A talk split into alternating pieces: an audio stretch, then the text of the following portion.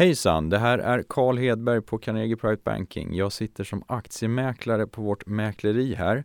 Eh, det är den 18 mars, klockan är 15.15 .15 just nu.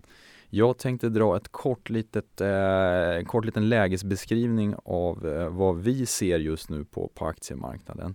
Eh, just idag och här och nu är Stockholmsbörsen ner cirka 2,8% Det innebär att vi är ner ganska exakt 30 procent från toppen som vi hade för ett antal veckor sedan. Amerikanska börsen har varit igång under en knapp timme nu och är ner ungefär 4,5 i eh, just för stunden. Läget just nu då är väl att vi fortfarande har en väldigt volatil marknad. Vi ser väl kanske att vi ser lite mindre rörelser här de senaste dagarna.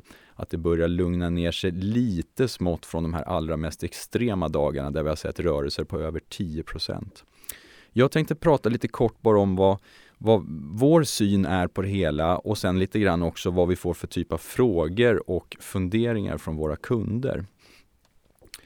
Just nu så kan man väl säga att den initiala eh, rädslan att bara sälja i panik har väl börjat lägga sig lite grann i alla fall. Och jag tycker att det är egentligen det vi ser på marknaden också, att de här riktigt rejäla säljflödena som kommer brett börjar mattas lite smått i alla fall.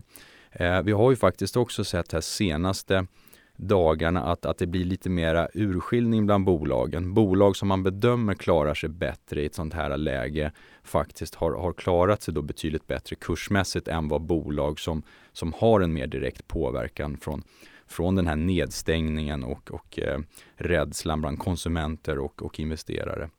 Eh, vi kan se till exempel att, att bolag inom dagligvaruhandel och telekom, både eh, telekombolag som Ericsson men, men även operatörerna, den typen av bolag har haft ganska starka dagar periodvis. Och det är nog förklaringen av att man sett stora flöden in i sådana här bransch-ETF, börshandlade fonder. Eh, så att stora inflöden i, i vissa typer av branscher medan andra bolag har, har haft en betydligt svagare utveckling. Eh, det vi får frågan från våra kunder då, det är ju mycket så här, vad, vad gör de stora, stora institutionella investerarna? Och, och, där är det väl i det här läget så att en del har börjat att köpa i den här nedgången. Eh, några sitter lite, lite stilla fortfarande. Men att eh, helt klart börja luta mer åt köp än att det är sälj i de där fallen. Så att säljtrycket kommer väl oftast för de institutionella eh, kunderna som, som har privatpersoner som, som egentligen underliggande investerare, egentligen fonder då, helt enkelt. Så att där är det väl fortfarande lite grann över, övertag för försäljarna, men börjar kanske lugna ner sig lite grann helt enkelt. Sen eh, utblicken framåt då, vad vi tror vi kommer se här, ja men det är väl helt enkelt att vi ser att volatiliteten så smått kommer komma ner här, att den här eh, första vågen av försäljningar börjar mattas av. Vi tror i ett kortare perspektiv att, att sannolikheten börjar väga över för att vi faktiskt får se en liten studs uppåt igen här. Um, sen hur stor den blir, ja det, det, får väl lite framtiden utvisa. Men vi tror ändå att den skulle kunna vara i storleksordningen 5-10% från de här nivåerna på Stockholmsbörsen. Sen eh, där eh, efter det så är nog frågan om inte vi kommer se en ny våg av försäljningar. Det är väl egentligen det vi tycker är det mest troliga scenariot i det här, att det kommer komma en andra våg av, av säljare som passar på då när man har sett den här lilla lättnaden på börsen. Så att eh, lite, lite lugnare eh, handel på börsen. Fortfarande en, en, en fallande trend men inte riktigt lika snabb och vi tror som sagt att vi kan få se en liten rörelse uppåt här i, i kommande, kommande vecka.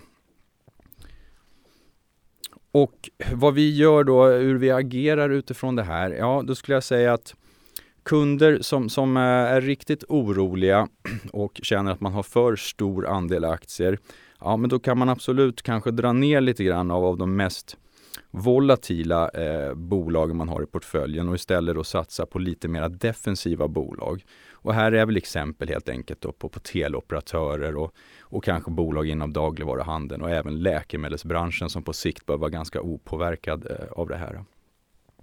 Eh, annars så är det egentligen det vanligaste att eh, våra kunder lite smått faktiskt börjar göra små försiktiga köp in i marknaden nu med förhoppningen om att vi har den här korta rörelsen uppåt eh, på, på en, två veckors sikt.